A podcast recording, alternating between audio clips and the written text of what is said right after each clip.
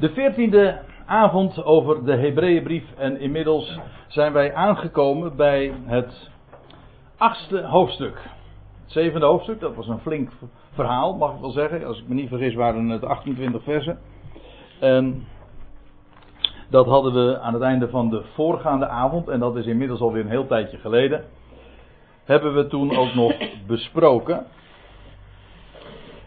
En dat hoofdstuk ging in zijn totaliteit over Melchizedek en over alle, alles wat met die figuur uh, verband houdt. Waarbij ik wel moet aantekenen dat niet alleen Hebreeën 7 over Melchizedek gaat, maar eigenlijk uh, alle hoofdstukken die daaraan vooraf gaan, een, feitelijk een aanloop zijn tot dat zevende hoofdstuk. Je kunt met recht zeggen dat niet alleen letterlijk, maar ook in inhoudelijk figuurlijk, uh, het zevende hoofdstuk centraal staat in de Hebreeënbrief, waarbij alle schijnwerpers gericht worden op ja, de koningpriester naar de ordening van Melchizedek. En dan hebben we het uiteraard over de Messias zelf. Nou, daarover hebben we het gehad. En het zou, ik kan me voorstellen dat je dan op een gegeven ogenblik na zeven hoofdstukken dan denkt het wordt nu wel eens tijd voor een samenvatting. Nou, dat komt dan mooi uit, want daar begint hoofdstuk 8, vers 1 ook mee. Want let eens op. Het valt trouwens uh, soms niet eens mee om het, uh, de brief goed in te delen, omdat het een doorlopend betoog is. En waarbij ook dikwijls wordt teruggegrepen op, op eerdere verhandelingen. En zo lopen diverse lijnen zo door elkaar. Maar mag toch wel zeggen dat hoofdstuk 8, vers 1 echt een breuk is in het hoofdstuk. Of een breuk is misschien niet helemaal het goede woord. Een breuk in de, in de brief. Het is in elk geval een, een hoofdmoment. Hier begint iets nieuws. Dat blijkt heel simpelweg uit de manier waarop de schrijver hier aanvangt. De hoofdzaak van ons onderwerp is. Als je het trouwens even wat uh, preciezer bekijkt. We leggen per slotverrekening in deze avonden echt de loop op de tekst. Met een interlineair zo onder in het beeld, zodat we voortdurend in de gaten mogen houden en kunnen houden wat er precies staat. Ik als spreker, u als luisteraar en ook als kijker dus. Maar let eens trouwens op dat er, het staat niet van ons onderwerp, maar van het gezegden is. Waarbij trouwens uh, interessant genoeg opnieuw blijkt, ik heb het al eens een keertje eerder opgemerkt, dat de Hebreeënbrief uh, in sterke, in hoge mate de, het karakter heeft van een toespraak. Een toespraak dat op schrift gesteld is. Dat blijkt ook uit de manier waarop het dan gezegd wordt. Uh, het, uh, de hoofdzaak van wat gezegd is. Waarbij niet alleen maar het voorgaande hoofdstuk wordt bedoeld, maar eigenlijk al het gezegde. Dat wil zeggen, vanaf hoofdstuk 1. Dat blijkt trouwens ook meteen uit de wijze waarop het eerste vers verder gaat. Want dat grijpt ook alweer terug naar de eerste versen van Hebreeën 1. Zodat eh, met gemak ook is aan te tonen, en dat blijkt uit de formulering, maar het, het klopt ook. Dat als hij zegt van ons onderwerp, van het gezegde, dan doelt hij inderdaad op de totaliteit van het voorafgaande. En dan zegt hij daarbij, uh, het, de, het is de hoofdzaak. Dat is een hele aardige weergave, want dat woord wat hier staat, dat is inderdaad afgeleid van het Griekse woord voor hoofd. En je zou daarbij ook nog kunnen denken aan een, aan, een kapiteel, dat is, trouwens, dat is weer eh, uit het Latijns en dat betekent ook hoofd. Denk aan kapitale letters, hoofdletters. Of een,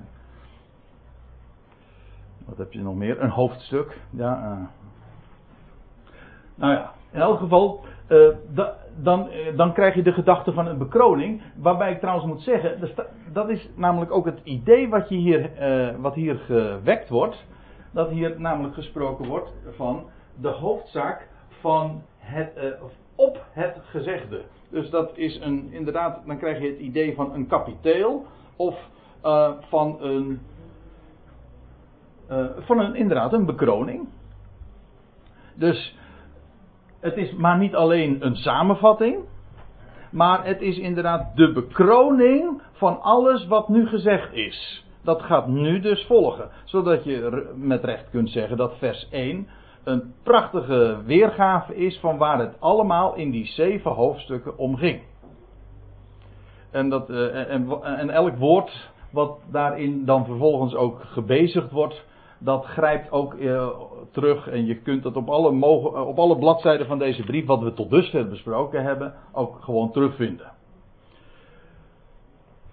De hoofdzaak op het gezegde is dat wij zulk een hoge priester hebben, dat wij, ik wijs er nog maar weer eens even op, dat is, je kunt natuurlijk zeggen wij als gelovigen, maar de brief is gericht aan Hebreeën. En ik heb al eens eh, bij de, een eerdere gelegenheid, nou de eerste gelegenheid dat we het hier de Hebreeënbrief bespraken, ook naar voren gebracht dat Paulus, die wellicht de schrijver is, maar goed, hij stelt zich anoniem op. Dus dat eerbiedigen we maar door hem telkens gewoon aan te duiden als de schrijver. Maar als hij inderdaad de schrijver is, waar we dus gemakshalve van uitgaan, Paulus was zelf ook een Hebreeër. Sterker, hij zegt in Filippenzen 3, ik ben een Hebreeër der Hebreeën. Dat wil zeggen, er is niemand zo Hebreeër als ik. Ik ben de Hebreeuwste van allemaal. Of zoiets. De Hebreeuwste. Hebreeuwer en Hebreeuwste. In elk geval, uh, hij sluit zich daarbij in. En deze brief is geschreven. In dit verband is dat ook goed om dat nog even te onderstrepen. Aan Hebreeën. Hebreeën, zij, de Joden of het huis van Israël, zij hadden hoge priesters. Tot dusver altijd gehad. Sterker, in de tijd dat deze brief geschreven werd, hadden ze nog steeds een hoge priester. Met een tempeldienst, niet lang meer, maar niettemin in die tijd hadden ze dat nog steeds. Maar nu had de, de schrijver zeven hoofdstukken lang gewezen op de hoge priester. Die andere hoge priester, de echte hoge priester. Wil de echte hoge priester opstaan? Nou, we hebben in het voorgaande hoofdstuk gezien. De echte hoge priester is opgestaan. Sterker nog, daardoor is die hoge priester geworden. Want hij is hoge priester op grond van en sinds zijn opstanding uit de doden. Nou kun je natuurlijk zeggen dat wij ook hem kunnen aanspreken als hoge priester. Ik heb daar geen enkel bezwaar tegen, begrijp me goed. En ik zing ook wel eens dat lied van wij hebben een hoge priester. Maar ik moet erbij zeggen, strikt genomen, hij is de, de hoge priester van de Hebreeën. Je kunt natuurlijk zeggen, de gelovigen die hier worden aangeschreven, die maakt ook deel uit van het lichaam van Christus. Dat geloof ik. Dat is ook een beetje omstreden wat ik nu zeg, maar ik, ik heb daar niet de minste moeite mee. In het lichaam van Christus is helemaal geen verschil tussen Jood en Griek. Maar in elk geval, uh, zij worden hier op een bepaalde manier aangesproken. Je kunt, zij maken deel uit van het lichaam van Christus, maar dat is niet de invalshoek, dat is niet de wijze, de hoedanigheid waarin deze brief geschreven wordt. En of geschreven is. Zij worden aangeschreven als Hebreeën. Als zodanig worden ze gekarakteriseerd. En als Hebreeën hadden ze een hoge priester. Eigenaardig genoeg dat Paulus in zijn brieven nooit spreekt over Christus als hoge priester. Hij refereert wel heel dikwijls aan uh, zaken die, die daar direct aan gekoppeld zijn. Uh, ik herinner me nou de laatste keer dat we hier bij elkaar waren, toen hadden we het gehad. Nou, misschien kunnen we meteen even opslaan. Uh,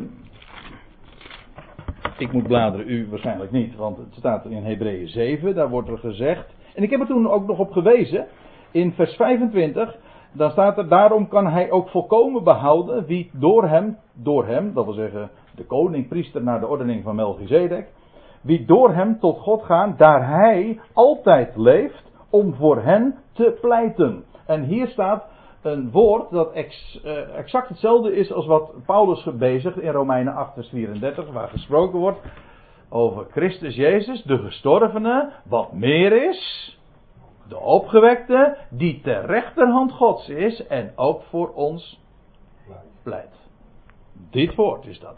Zodat wij hem in die hoedanigheid wel degelijk ook kennen. Daarom zeg ik, ik heb er geen niet de minste moeite mee om hem ook onze hoge priester te noemen. Maar ik moet erbij zeggen, als je het strikt neemt, is het de hoge priester van de Hebreeën. Dat wil zeggen van Israël. Niet van de Ecclesia als zodanig. Dus uh, als we toch eventjes de puntjes op de i zetten, moet je dat gewoon uh, ook zo uh, gewoon vaststellen. In de brieven van Paulus wordt Christus nooit aangeduid als hoge priester. Hij wordt aangeduid als hoge priester in de Hebreeënbrief. En dat is volstrekt logisch. dus dat heeft betekenis.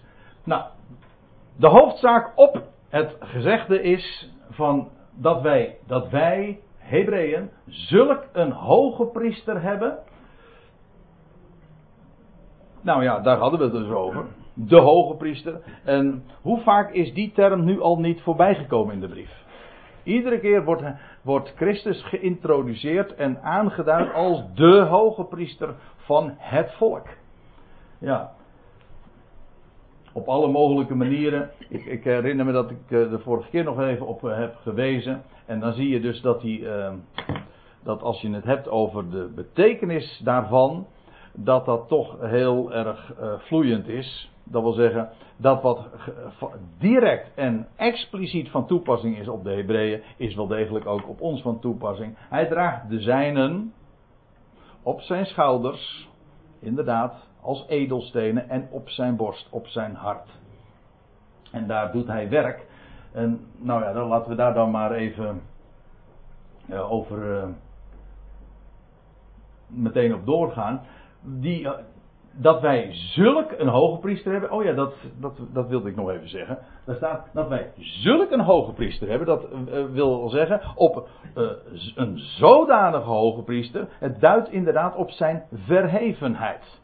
Die al het, al, alle hoge priesters uh, die Israël, die de Hebreeën tot dusver gekend hebben, overtreft. Die daarboven verheven is. En als ik het zo zeg, bedoel ik dat ook weer heel letterlijk. Inderdaad, verheven. Niet alleen, maar geen hoge priester op aards niveau, maar echt een hoge priester. Dat wil zeggen, daar in de hoge gezeten is. Verheven boven alles. Dus de hoogste priester. Die gezeten is, nou waar dat op duidt, dat is niet zo moeilijk. Dat is een positie van rust. Ik wil daar nu niet te diep op ingaan, hoewel het van belang is. Al, al, al, een stuk of drie, vier keer is dat ook in de Hebreeënbrief naar voren gebracht. Hij is gezeten. En alles wat de schrijver in deze brief naar voren brengt, dat is gebaseerd op oud-testamentische uitspraken. Uitspraken uit de Torah, uit de boeken van Mozes of uit de psalmen. En als ik, het, als ik nu zeg de psalmen, dan dan klopt dat helemaal, want uh, we hebben nu al heel wat keren gezien dat met name de, de Psalm 110 een enorme grote rol speelt in, in de hele Hebreeënbrief. Waar gesproken wordt over de koning, priester naar de ordening van Melchizedek, maar dan dat God dan tegen hem zegt, profetisch, zit aan mijn rechterhand. Zit aan mijn rechterhand. totdat ik uw vijanden gesteld heb tot een voetbank van voor uw voeten. Dat is een, een, een profetie over de Messias. En in diezelfde psalm wordt uitgelegd en naar voren gebracht. Hij is priester, koning naar de ordening, of dat wil zeggen naar het model van zoals ooit Melchizedek. En iedere keer als ik zulke dingen dan zeg, dan zou ik zomaar in de verleiding komen om daar toch nog weer wat over te vertellen. Maar nou ja, dan, uh, dat schiet niet op, want daar heb ik het al over uh, gehad. Hij is gezeten. Dat is van belang. Dat betekent hij is in rust. En later in de brief, in hoofdstuk 10, zullen we dat nog nader uitgelegd krijgen ook. Echt heel duidelijk ook. Aan de hand van hoe dat was met priesters in de dagen van het oude verbond. Die zaten namelijk per definitie niet. Nou ja, u zult zeggen, ze zaten toch wel eens een keer. Jawel, maar ik bedoel, in beeld niet. Dat wil zeggen, in de tabernakel waren er geen zetels, geen zitplaatsen. De priesters stonden altijd bij hun werk. Er was geen stoel of zo. Dat is typerend voor het oude verbond.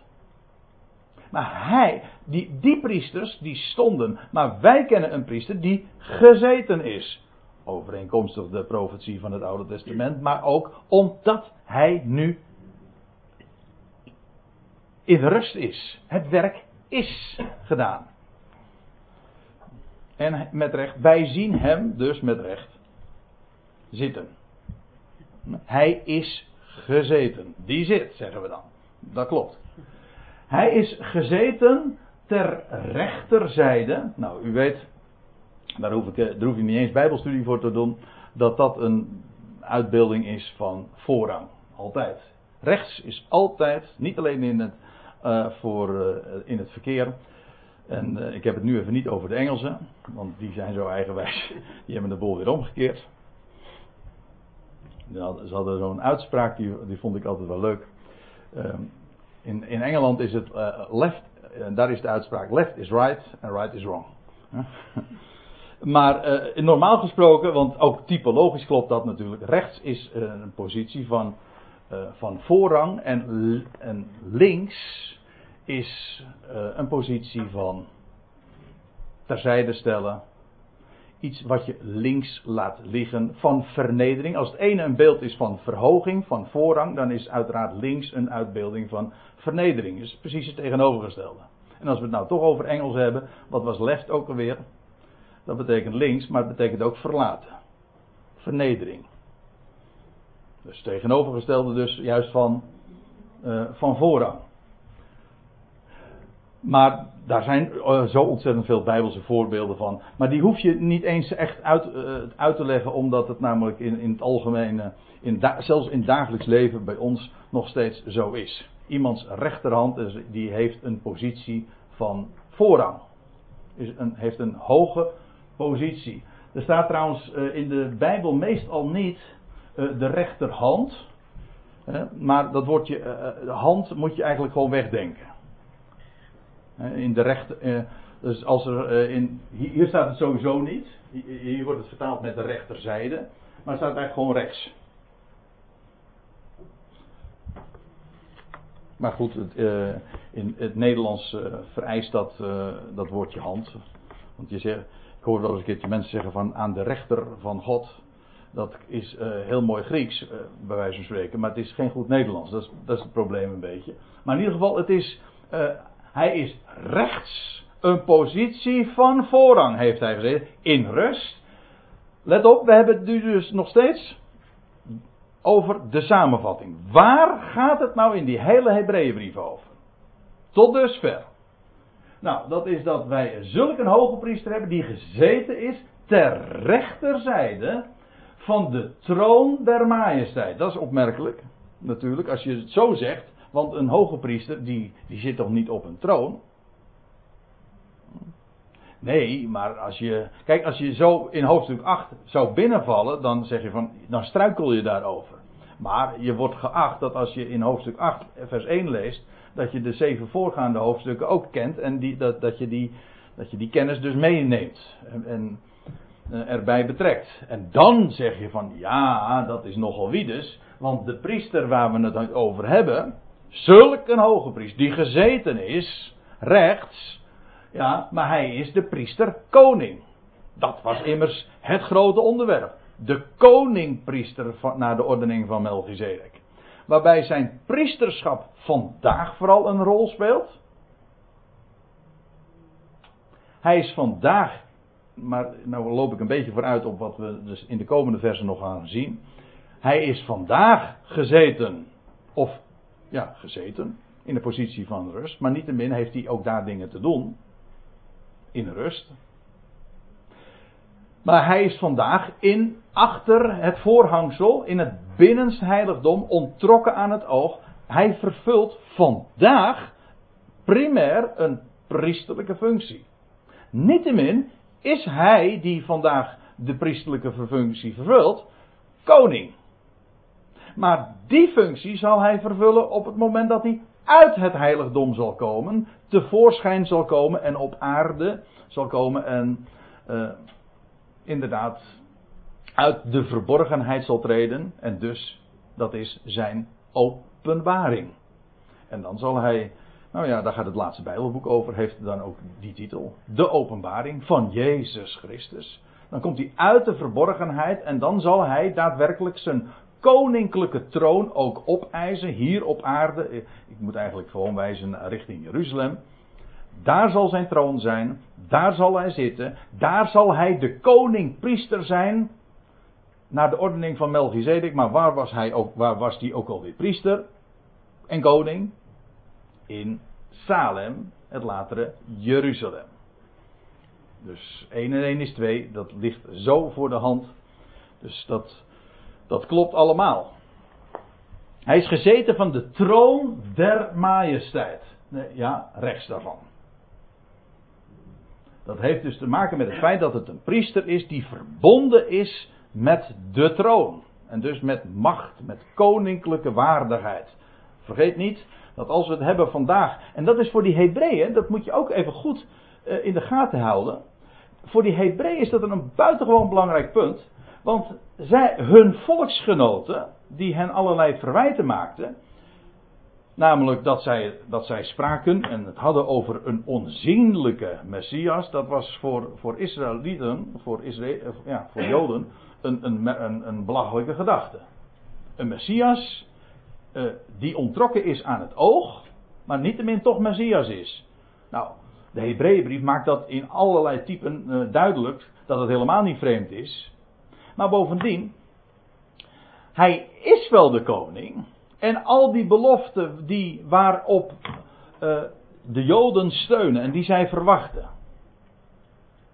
Ja, de kerk heeft die allemaal aan de kant geschoven en al die verwachtingen die het Joodse volk heeft, namelijk dat, dat de, ik bedoel, als je aan de Jood vraagt wie is de Messias, dan zeggen ze nou dat is de, dat is de zoon van David, iemand die zijn geslachtsregister kan terugvoeren tot koning David, uit het huis van David, uit, uit het, uh, uh, ja, uit Bethlehem, dat staat allemaal in de profetie. En uit de stam van Juda. En hij zal koning zijn over Israël. Hij zal de troon van zijn vader David herstellen op, de, op locatie, dat wil zeggen daar in Jeruzalem. En, en hij zal zijn koninkrijk vestigen. Eerst in Israël, hij zal het volk bijeenbrengen uit de natieën in het land. En dan vervolgens zijn koninkrijk vestigen over heel de aarde.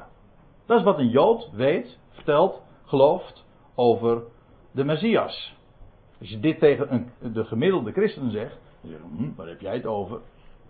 Die gelooft sowieso, die nou eigenlijk in, niet eens in, in een wederkomst, een terugkeer van de Heer op de Olijfberg, en herstel van Israël en een Messiaans koninkrijk. Dat is, uh, weet je waar, men gelooft niet in een wederkomst, men gelooft in, in, in het einde der tijden, in de jongste dag. Dat wil zeggen, als hemel en aarde verdwijnen, maar dat is, dat, dat duurt nog zo lang. Er gaat nog uh, minstens duizend jaar uh, overheen voordat dat zover is. Wat men de wederkomst noemt, christenen bedoel ik, dat is helemaal niet de wederkomst. Dat is, dat is inderdaad de jongste dag. Namelijk als hemel en aarde verdwijnen en de grote witte troon, et cetera. Maar dan sla je echt heel veel over. Sterker nog, dan sla je juist datgene over waarop een Jood zit te wachten. Namelijk dat Messiaanse koninkrijk, daar waar de profeten vol van zijn en waar, waar ze altijd over spreken. De grote verwachting van het Joodse volk en van Israël en wat, er, wat God nog met deze wereld gaat doen. Ik bedoel, deze wereld. Enfin, uh, hij is nu gezeten ter rechterzijde van de troon der majesteit um, in de hemelen. Dat wil zeggen, niet op aarde. Dat is hier de, eh, de tegenstelling natuurlijk. En dus ook, en dat hangt daar direct mee samen, en dus ontrokken aan het oog. En dat is nou precies een van de uh, kenmerken ook van de twee dagen, de twee millennia waarin wij leven. Tussen zijn eerste komst en zijn wederkomst, dat zijn de dagen dat hij verborgen is. In de hemel valt niets te zien wat dat betreft is het zeer oninteressant. Visueel gezien. Er valt alleen wat te horen. Niets te zien. Maar dat heeft ook alles te maken met geloof. Ook dat is een, een groot en belangrijk onderwerp in de Hebreeënbrief. En we zullen dat met name uh, in, de, in, in latere avonden nog, nog uitdrukkelijker gaan zien. Hebreeën 11 bijvoorbeeld is zo'n hoofdstuk. Hè, dat, is, dat noemen ze dan de galerij der geloofshelden. Zo klinkt dat dan plechtig. Maar daar gaat het allemaal over mensen die leven uit geloof. Niet omdat ze zien, en ook daar uh, uh, doet de schrijver alle moeite om, om dat aan te tonen. In elk geval, dat, dat, ze, dat het niet om zien gaat, maar dat het gaat om geloof. Hè? Om dat wat God gesproken heeft over toekomende dingen, maar terwijl het oog dat helemaal op dit moment niet bevestigt. Er valt niks te zien. Het loutere feit dat er vandaag dus niks te zien valt, is feitelijk dus een bevestiging van de Bijbelse boodschap. Namelijk dat er inderdaad, uh, dat hij verborgen is, zoekt de dingen die boven zijn. Waar Christus is. Waar uw leven is. En uw leven is met Christus verborgen bij God. ja. Goed. Nou, uh, dit was de samenvatting. Nou, het gaat nog even verder. Maar hier zijn nu een aantal hele belangrijke dingen gezegd over die hoge priester, de hoofdsom van al het voorgaande. Hebreeën, ah, als je dus vraagt van waar gaat die Hebreeënbrief, uh, nou over, dan, dan kan het niet missen. Dan moet je echt teruggrijpen op hoofdstuk 8 vers 1. Hou hem in gedachten. Daar vind je de samenvatting van de schrijver zelf van de brief. De dienst verrichtende in het heiligdom, staat er vervolgens. En het gaat hier uiteraard over die hoge priester die gezeten is. Dat is trouwens op, opmerkelijk, want hij is gezeten, een positie van rust, verbonden met de troon. Jawel, maar het is niet zo dat hij volstrekt passief is. Integendeel, dan bestaat de dienst verrichtende in het heiligdom. Staat trouwens veel korter hoor. Dus eigenlijk uh, van de heilige dingen, is hij de liturg. Dat is het, ons woordje liturg. Uh, dat, dat komt dus uit het Grieks, maar dat is een, een, een publiek ambt. Met name in religieuze zin, in godsdienstige zin, hier ook. Gaat hier over een hoge priestelijke functie. Dat is iemand die de eredienst of een, de, uh, een, een heilige taak publiek vervult. Als u trouwens een statenvertaling hebt, dan staat er, en dat is veel beter, misschien een beetje oud-Nederlands, maar er staat, hij is uh, een bedienaar des heiligdoms. Een bedienaar dus van het heiligdom. En dat klopt, want dat is inderdaad wat hij wat die, uh, is in het heiligdom. Van de heilige dingen is hij de bedienaar. En het is opmerkelijk dat dit woordje liturg in de Septuagint, in, dus in de Griekse vertaling van het Oude Testament ook eh, de benaming is van priesters. Heel, heel dikwijls. Eh, van de hoge priester. Dat is een liturg. Een bedienaar in het heiligdom. Of van het heiligdom. En waar, waar doelt dat nou op? Kijk, die hoge priester is dus. De hoge priester waar wij het nu over hebben. Die is daar. In de hemel. Gezeten. Ter rechterzijde. Van de majesteit in de hoge. Maar daar, daar is hij in rust, jawel, maar niettemin een bedienaar van het heiligdom. Hij verricht dus, zo geeft de NBG-vertaling het ook weer, en dat is in de praktijk waar het op neerkomt. Hij, uh, hij verricht de dienst. Welke dienst? Welke dienst zou hij nou verrichten? En denk daarbij dat hij hoge priester is. Wat doet die hoge priester in het heiligdom? Nou, ik wil u op drie dingen wijzen.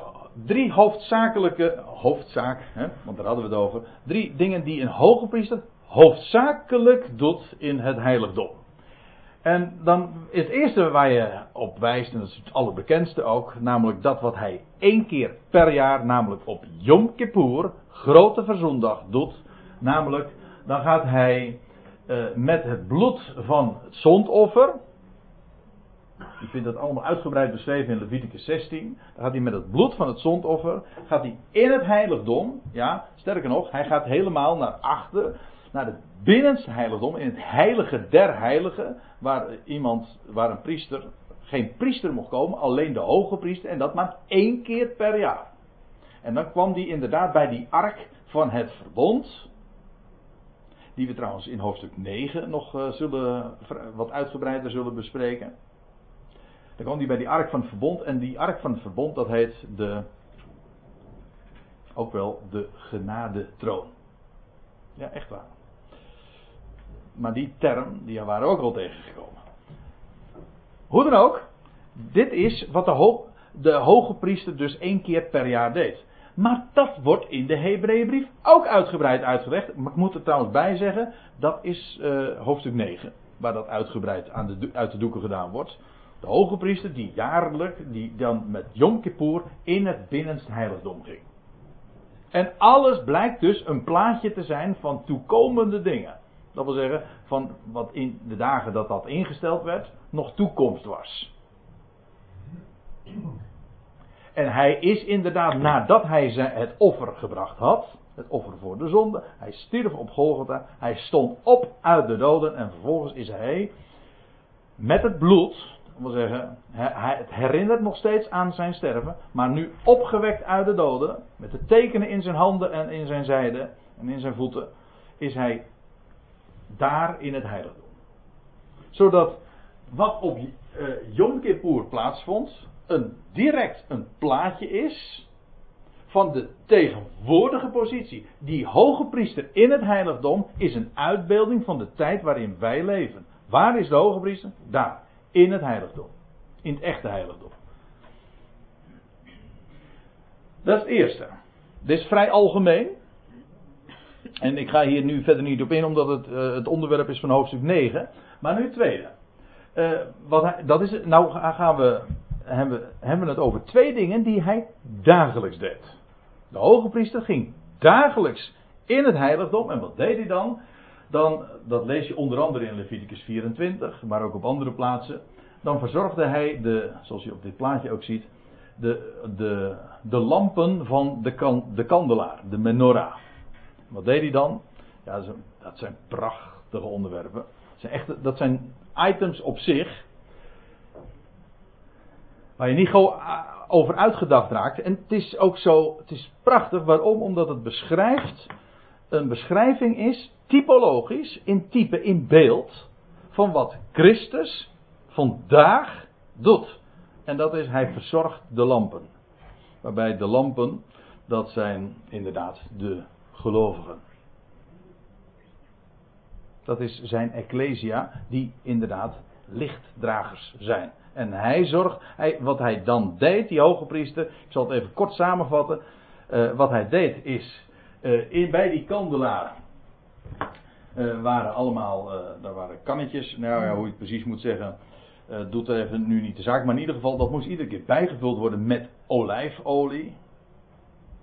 Dat ging, de werkt niet op elektriciteit, het was geen kwestie van de knop omzetten. Maar daar, dat werd bijgevuld met olijfolie, een beeld van onvergankelijk leven, maar ook van zijn woord. Dat leven is en geest.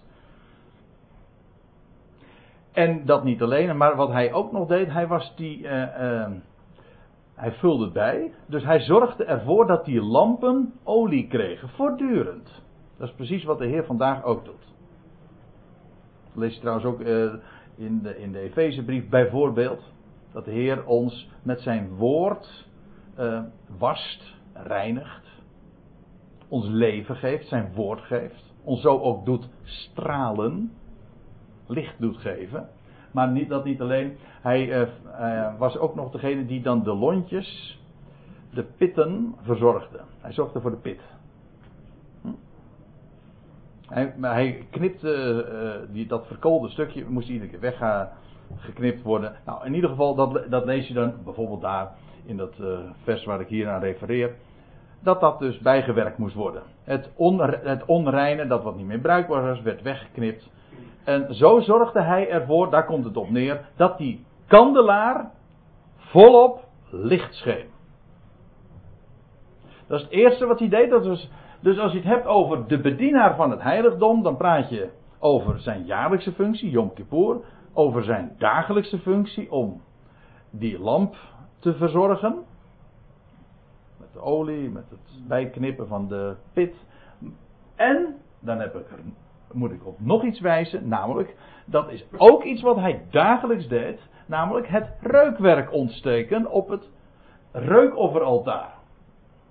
Een prachtig onderwerp. Ik wil daar binnenkort eens, uh, een uh, aparte Bijbelstudie aan wijden. Al niet zo lang geleden heb ik uh, over dit onderwerp van die lampen wel eens gesproken. Maar over dat reukwerk, dat blijft nog eigenlijk blijven liggen. Maar het is een schitterend item ook. En dat illustreert namelijk ook precies wat de Heer doet. Namelijk hij laat ons een, zijn geur, zijn liefelijke geur verspreiden. Want dat is wat er gebeurde op dat altaar. is niet zo bekend wat, wat hij daar deed, maar het was iets wat hij dagelijks deed. als hij dus naar binnen ging, s'morgens en s'avonds, binnen in dat heiligdom, dan ging hij naar de kandelaar om dat te verzorgen. En hij ontstak reukwerk, wierook, mirra. Je leest ook uh, nog andere specerijen. Nou ja, al, dat soort details. Daar moet je echt dus een studie van maken. Maar het, uh, het, gaat er dus om dat hij ervoor zorgt dat er een geur verspreid wordt. Een lieflijke geur van hem. Wel, dat is wat hij als bedienaar van het heiligdom doet. En het is niet zo moeilijk om, om te herkennen het type. Namelijk dat wat zo'n hoge priester daadwerkelijk deed met die lamp en met, met het reukwerk en met, die, met het reukofferaltaar. Dat is een uitbeelding van wat de hoge priester, die vandaag daar is, doet aan de lichtverspreiders. En degene die zijn geur verspreiden. Dus in wezen gewoon aan ons. In de verborgenheid. Ja, er valt niks te zien. De wereld ontgaat het. Gaat het ook helemaal niks aan. Maar niettemin, hij doet dat. Dat is zijn, dat is zijn werk, of in ieder geval zijn, zijn werk mag ik het eigenlijk niet noemen. Want uh, het is in rust. Maar het is in ieder geval wel zijn bezigheid. De dingen waar hij zich mee bezighoudt. Met ons. In feite komt het er ook op neer dat hij daar uh, want daar hebben we het ook over gehad de vorige keer toen, ik, uh, toen we het over dat pleiten hadden. Dat hij pleit, dat betekent hij behartigt de belangen. Maar wat is ons belang? In zijn perspectief. Dan moet je niet zeggen van ja, mijn belang is dat ik een goed salaris heb of dat ik een tweede of een vakantiehuisje krijg. Nee, dat is niet, dat is niet ons belang. Dat is heel kortzichtig geredeneerd. Nee, ons belang, als hij ons belang behartigt, dan gaat het erom dat we worden wie we zijn. In zijn ogen. En dat hij ons doet stralen en dat hij ons een geur doet verspreiden die liefelijk is. Van hem. Wel, dat is, ons, dat is de belangen behartigen van zijn volk. En dat is precies wat hij vandaag doet. In dat hemels heiligdom.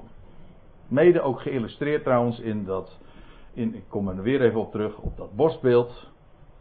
Hij draagt ons op zijn hart. Hij draagt ons op zijn, in zijn kracht, op zijn schouders. Maar dat is dus alles wat, er, uh, wat verband houdt met die.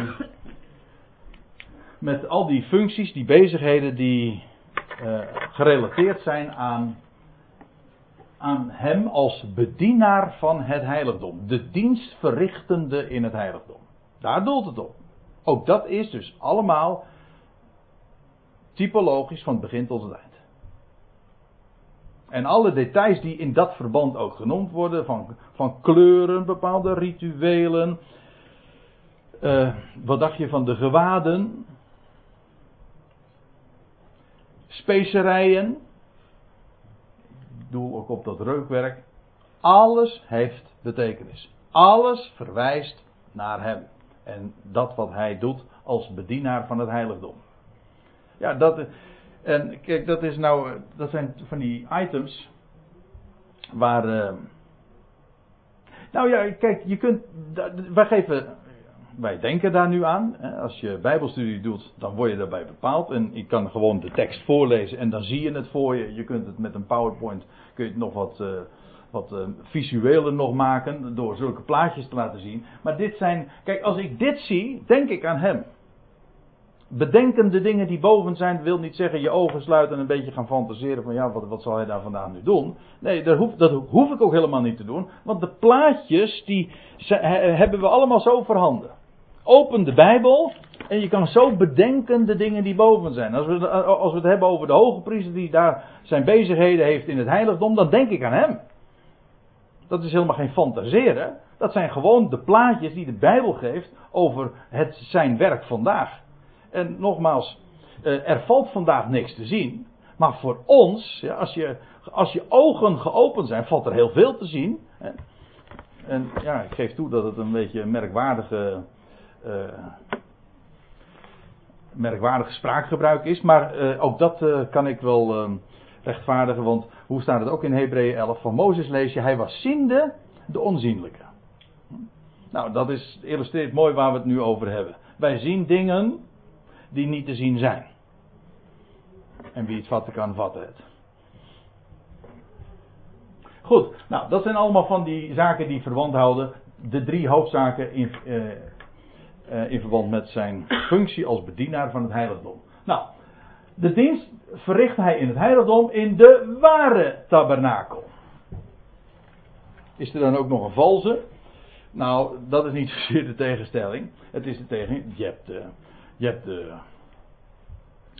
de, tabernakel die beeld is, of dat beeld is, of slechts schaduw. We zullen dat trouwens over een paar versen nog expliciet zo vinden.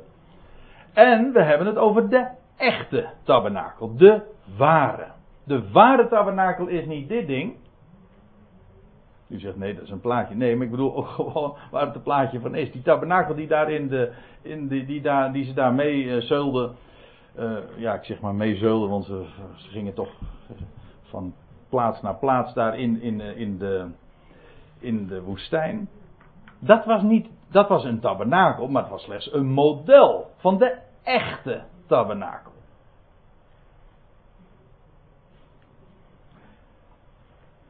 Dat geldt trouwens ook voor dat wat later ge, gebouwd werd in Jeruzalem. Ik bedoel, feitelijk was dit nog al een heel mobiel gebeuren, een, eh, een portable uh, heiligdom zeg maar. Maar feitelijk, wat er toen in Jeruzalem in de dagen van Salomo gebouwd werd, is net zo goed een beeld. Maar de echte tempel, het echte heiligdom, dat is, uh, dat is niet door, dat is niet man-made. Dat is niet gebouwd door handen, er staat die de Heere opgericht heeft, niet een mens. Zo staat het er. Dus je hebt twee soorten tabernakelen. Je hebt de echte en je hebt de die slechts een beeld is. Een type of een schaduw. En deze heeft de Heere zelf opgericht. Je moet trouwens ook denken aan wat je ook al in Hebreeën 11 vindt. Ik zit zomaar een beetje wat te freewheelen hoor, als ik zo bijbelstudie geef. Tenminste voor een deel. Maar dan lees je over de Heer die de, uh, van Jeruzalem, van, dan, dan, wordt er gezegd in Hebreeën 11, dat van Abraham, Isaac en Jacob, en hij, uh, hij verwachtte de stad met fundamenten waarvan God de ontwerper en bouwmeester is. Kortom, dat is ook al niet door mensen gebouwd. En dat geldt hier ook van, dat, uh, van deze tabernakel we trouwens eventjes doorbladeren in hoofdstuk 9, vers 24, daar staat dat ook. hoofdstuk 8 vangt een, ik, ik gaf dat al in het begin even aan, maar hoofdstuk 8 vangt een nieuw deel in de Hebreeënbrief aan. Maar eh, in de kiem worden al allerlei eh, zaken zo in een kortweg besproken, die vervolgens later in de brief nog uitgebreider aan de orde zullen komen. En die kwestie van die tabernakel, die een beeld is van. Nou, dat is eh, het onderwerp van Hebreeën 9. Maar goed, in 9 eh, vers 24, daar lees je dus dit. Want Christus is niet binnengegaan in een heiligdom met handen gemaakt. Een afbeelding. Een representatie, zegt de Concordant Version. Een ja, dat is wel leuk trouwens. Een antitype.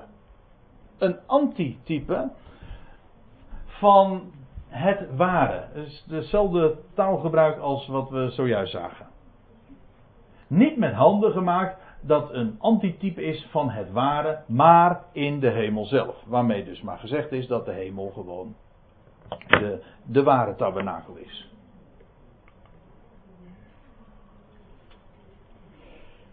Want, zegt vers 3 dan, iedere hoge priester treedt op om gaven en offers te brengen. Nou, dat, daarmee zeg ik toch niks nieuws.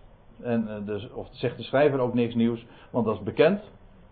Maar hij zegt dit om, een, om, om zijn statement te maken. Iedere hoge priester treedt op om gaven, bijvoorbeeld uh, reukwerk, en offers te brengen. Dat kan, kunnen bloedige offers zijn, dat hoeft nog niet eens. Want je hebt ook drankoffers, maar alle soorten offers. En dan staat er, en om die reden was het ook noodzakelijk dat ook deze, dat wil zeggen de echte hoge priester waar we het over hebben, iets had om te offeren. En inderdaad, maar dat is ook uh, hoofdstuk 9. Ook dit loopt weer vooruit op wat hij gaat zeggen. Maar het is, ik mag het als bekend veronderstellen. Hij heeft het offer gebracht. En doordat hij stierf, opstond uit de doden, is hij ook daadwerkelijk de hoge priester. Die twee, uh, dat is heel eigenaardig, uh, die vallen dan samen. Hij is en het offer en hij is ook de hoge priester. In één.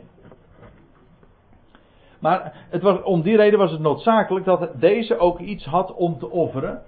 Uh, indien hij nu, ik ga, ik ga meteen maar verder in vers 4. Indien hij nu op aarde was. Nog, dat wil zeggen, indien hij nog steeds op aarde was. Dan zou hij niet eens priester wezen. Ik, dit is trouwens ook een heel interessant vers. Dat uh, ook uh, aantoont ik, ik, verbaas me er altijd over. Uh, misschien heb ik het al eens een keertje eerder gezegd, maar het is inmiddels al zo'n tijd geleden dat we hier natuurlijk Bijbelstudie hadden over de Hebreeënbrief. Maar ik heb het wel eens een keer gezegd dat de.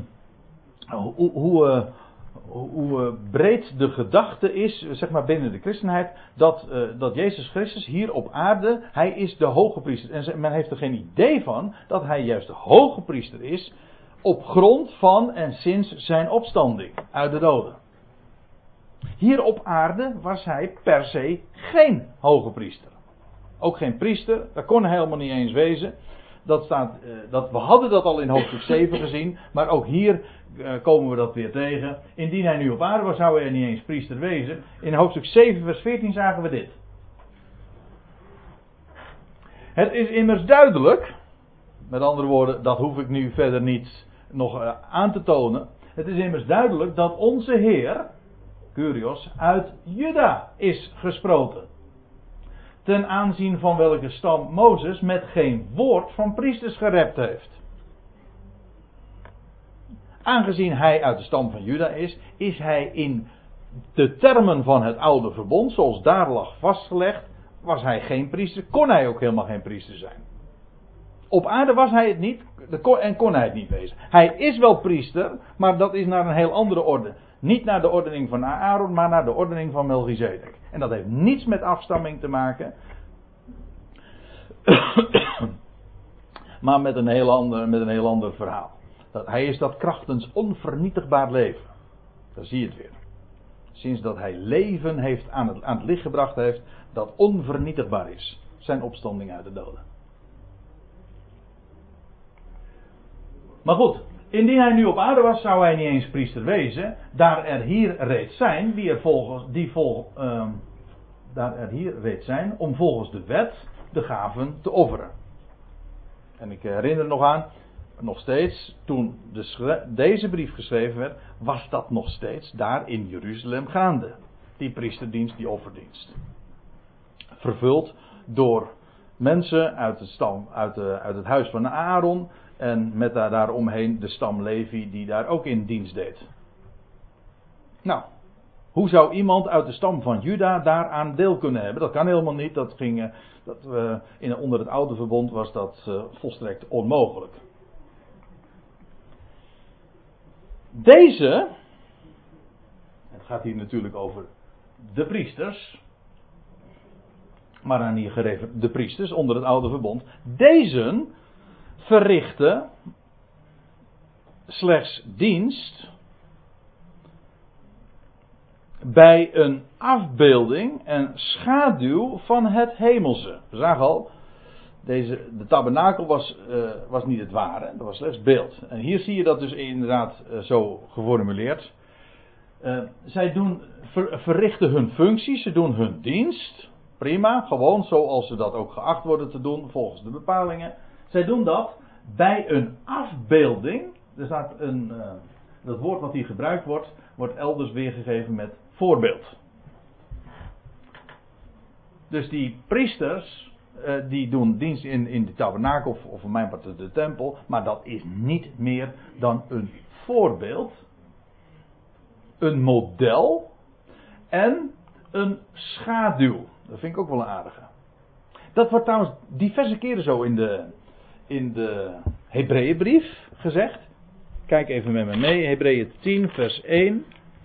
Daar wordt gezegd, daar de wet slechts een schaduw heeft van de toekomstige goede dingen. Hoofdstuk 2, eh, Colossense 2, vers 16 zegt Paulus dat ook. Spreek hier ook over een, een schaduw. Vind ik een, vind ik een hele veelzeggende uh, term als aanduiding van heel dat oude verbond en van die tabernakel en van die offerdienst. Dat is een schaduw. En van een schaduw kun je een paar dingen zeggen. Een schaduw uh, geeft, is niet de werkelijkheid. Het is.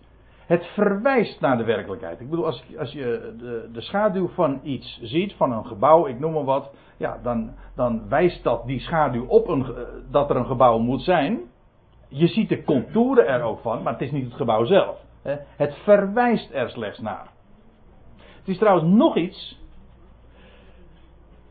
want schaduw in zichzelf is duister. Het, het de ene gedachte is bij uh, een schaduw van, ja, je ziet de contouren van het echte. Dat is één ding. En dat is ook precies wat, uh, wat, je, wat je van het oude verbond en van de tabernakel en van de priesterdienst en van de offerdienst en van al die rituelen kunt zeggen. Het, het laat de contouren zien van de toekomstige goede dingen, naar waar het naar verwijst. Maar in zichzelf is het duister, donker. Of niet? Als je, ja, neem me niet kwalijk, maar dat is ook precies wat, uh, als je gewoon uh, van geen, als je onbekend bent met, uh, met, de, met de tabernakel en met die, het hele oude verbond en met de Tenach. Of nee, pardon, met de, Torah en alles wat daarmee verband houdt. Dan, uh, dan valt het op hoe macaber zoveel dingen zijn. Duister, donker. Ook, waarbij ik met duister ook eigenlijk bedoel uh, doods.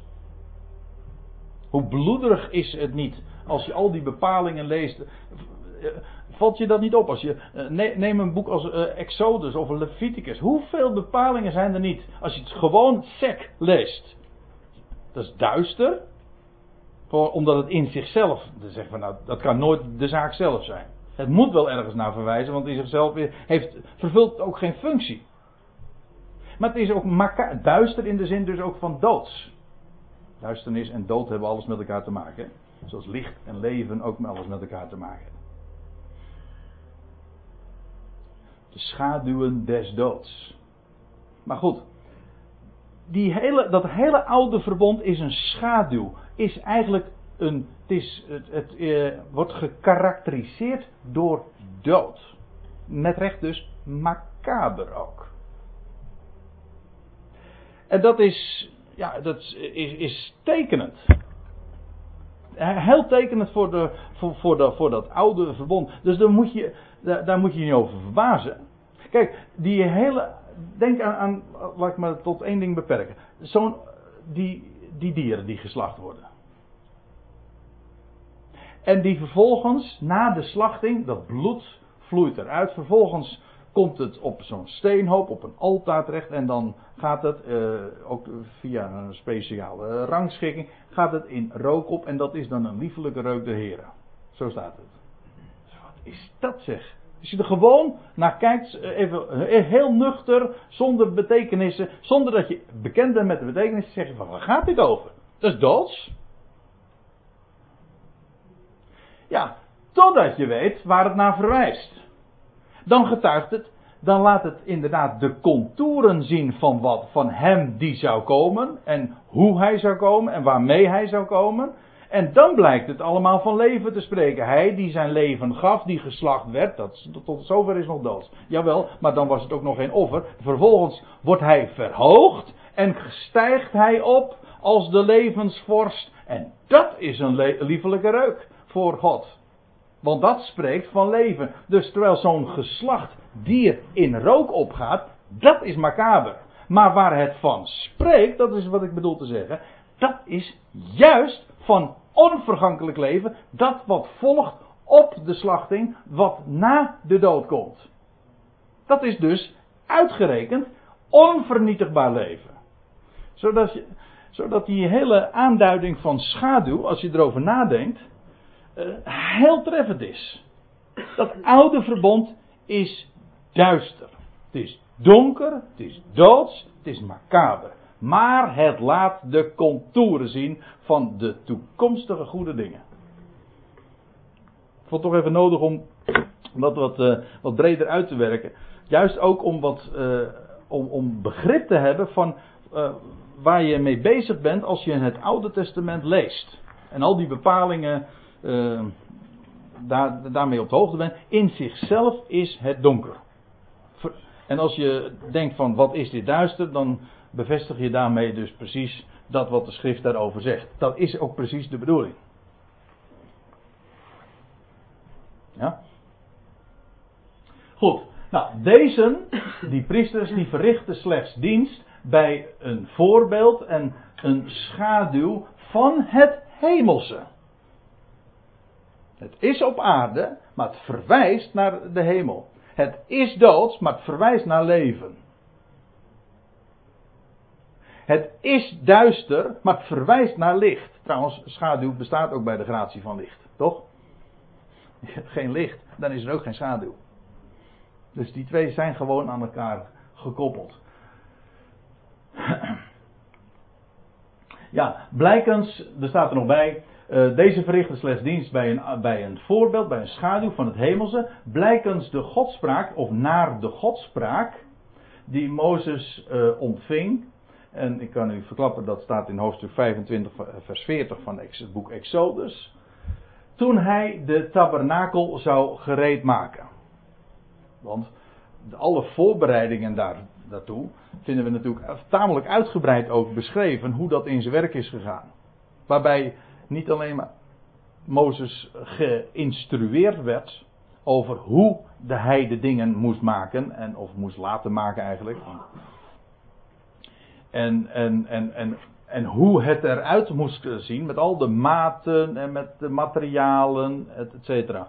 Wat daarvoor, wat daarvoor nodig was en wat daarbij kwam kijken. Maar dan staat erbij, blijkens de godspraak die Mozes ontving toen hij de tabernakel zou gereed maken. Zie toe, wordt er dan gezegd, het is het begin van het citaat uit Exodus 25. Zie toe, zegt hij, God immers, dat gij alles maakt naar het voorbeeld. Kijk, en hier hebben we weer dat woord wat ik zojuist al even aanduidde. Het type. In de Concordant Version staat het model, maar staat eigenlijk gewoon het woord, je ziet het, typon type. Ons, wat wij dus ook inderdaad uh, gebruiken. Typologie. De tabernakel is pure typologie. Het verwijst naar. Het is een type. Het is typerend. Het is typisch ook. Dat gij alles maakt naar het, naar het type dat u getoond werd op de berg. Dat was wat hij zag, dat was een model, een, ja, een schabloon. Nou, nou, nou weet ik dat eigenlijk even niet. Maar in ieder geval, ja, dat wat hem uh, getoond werd, dat was een type. Uh, maar wat zag hij nou? Kijk, die tabernakel, die hij moest maken, ja, dat, was, dat is dus eigenlijk maar een type, een model. Een ja, een soort van een hele grote maquette. Maar van wat dan? Nou, van een hemelse tabernakel. Maar dat is wat Mozes gezien heeft. Als ik, het, als ik deze woorden in Hebreeën 8 goed begrijp, dan heeft Mozes dus de hemelse tabernakel gezien. Ik, ik, ik, weet, ik weet niet hoe ik het uh, goed moet zeggen. En ik leg het zomaar ook in uw midden neer. Maar uh, kijk, het idee wat ik daar altijd over gehad heb, was. Uh, en dat de meeste mensen denk ik daarover hebben, dat Mozes uh, een soort van uh, maquette gezien heeft van wat hij dan vervolgens moest nabouwen. Maar dan zou hij eigenlijk een maquette van een maquette gemaakt hebben. Nee, hij zag de hemelse tabernakel. En daarvan, en die tabernakel op aarde is daar een afbeelding van. Wat ik, ja, ik geef toe dat ik, ik als ik uh, hier wat door over ga spreken, dan, dan ga ik, ben ik bang stotteren. Want Uh, ik, ik, kan het ook niet, ik kan namelijk me slecht voorstellen wat hier precies gebeurd is. In elk geval, Mozes heeft de, een hemels, de hemelse tabernakel gezien, dus de ware tabernakel. En de tabernakel op aarde, die hij vervolgens gebouwd heeft, is daar slechts een, een representatie, een schaduw of een voorbeeld van. Wat ik ermee wil zeggen, laat ik toen, uh, tot mijn punt komen. Ik geloof dus dat Mozes zicht heeft gehad op de echte betekenissen. En dat, en dat de tabernakel, zoals die, uh, zoals die net liet zien, in de, uh, die hij gebouwd heeft, dat verwijst daar slechts naar. Maar hij zag dus de werkelijkheid, het hemelse, en is en hoe die dat eh, gezien heeft, dat weet ik niet. Daar blijf ik ook helemaal van af. Maar hij heeft dus het hemelse tabernakel gezien. Waar Paulus het hier, of waar de schrijver het hier over heeft in de Hebreeënbrief, is de ware tabernakel. De hemel. Wel, dat is wat Mozes gezien heeft. En daar waar het allemaal naar verwijst. En vervolgens heeft. Ga ik over mijn tijd heen? Oh ja, ik zie het ja. Nou, uh, ik maak even mijn zin af. uh, Ja, mijn schoonvader die eh, wijst eventjes op het klokje. Ja, dat is heel goed hoor, want anders is het tien uur en dan heb, heb, ik nog niet in de gaten dat we geen zeggen koffie. Wel, ja, ik, ik, maak eventjes de gedachte af. Mozes heeft uh, zicht gehad op de ware tabernakel. En dat, heeft, dat is vervolgens gestileerd, of ik weet niet hoe ik het goed zeggen moet, is in ieder geval driedimensionaal uitgebeeld in de tabernakel. Maar wat hij echt gezien heeft, is de dingen waar, waar het een type van is. Kortom, waar de schrijver hier in de Hebreeënbrief over uh, he, daar heeft Mozes Min of meer, in welke mate, ik weet het niet, ik heb, er, ik heb er geen idee verder van, maar daar heeft hij zicht op gehad. Mozes heeft zoveel meer gezien uh, dan, uh, dan alleen maar een manquette. Daar geloof, daar geloof ik dus uh, niet in dat verhaal. Maar goed, daar kunnen we het in de pauze nog eens eventjes over hebben. En dan gaan we straks na de koffie hierover verder.